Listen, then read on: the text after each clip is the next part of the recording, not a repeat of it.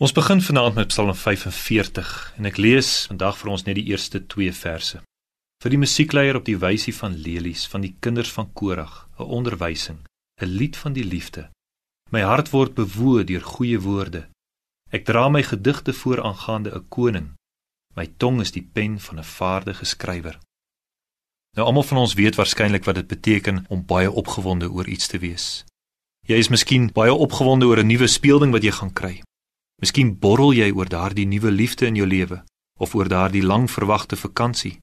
Dalk maak die geloof in Jesus Christus jou geweldig opgewonde. Wat dit ook al mag wees, ons almal ken daardie borrelende, bruisende gevoel van opgewondenheid. Jou hart loop oor daarvan.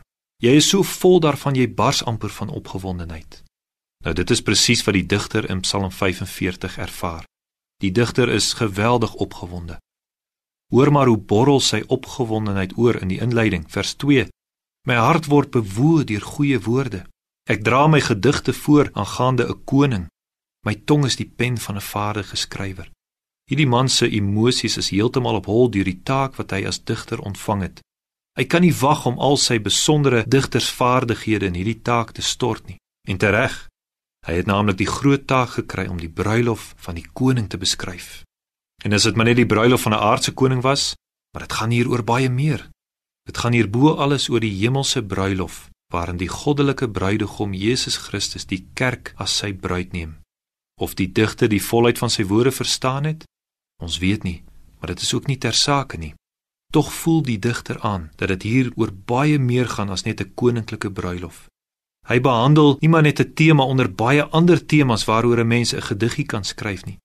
Nee, hy behandel die tema van alle temas. Sy gedig gaan oor die uiteindelike doel van die hele geskiedenis. Die verhaal van alle eeue. Koning Christus wat sy bruid versamel tot die ewige lewe. Geen wonder dat die digter so bewoer raak wanneer hy nadink oor wat hy gaan sê oor die groot koning en sy bruid nie. Sy hart loop oor van begeesterde woorde oor die bruilof van die hemelse koning. En die resultaat is 'n wonderlike lied van die liefde volgens vers 1. 'n bruilofslied soos daar geen ander bestaan nie. En ons mag dit vandag met dieselfde bewoonheid saam sing. Ons sing Psalm 45 nie as 'n betekenislose Ou Testamentiese lied nie, maar ons sing dit as deelnemers aan die huwelik tussen Christus en sy bruid, sy kerk. Ons sing hierdie lied as een van die partye in die huwelik.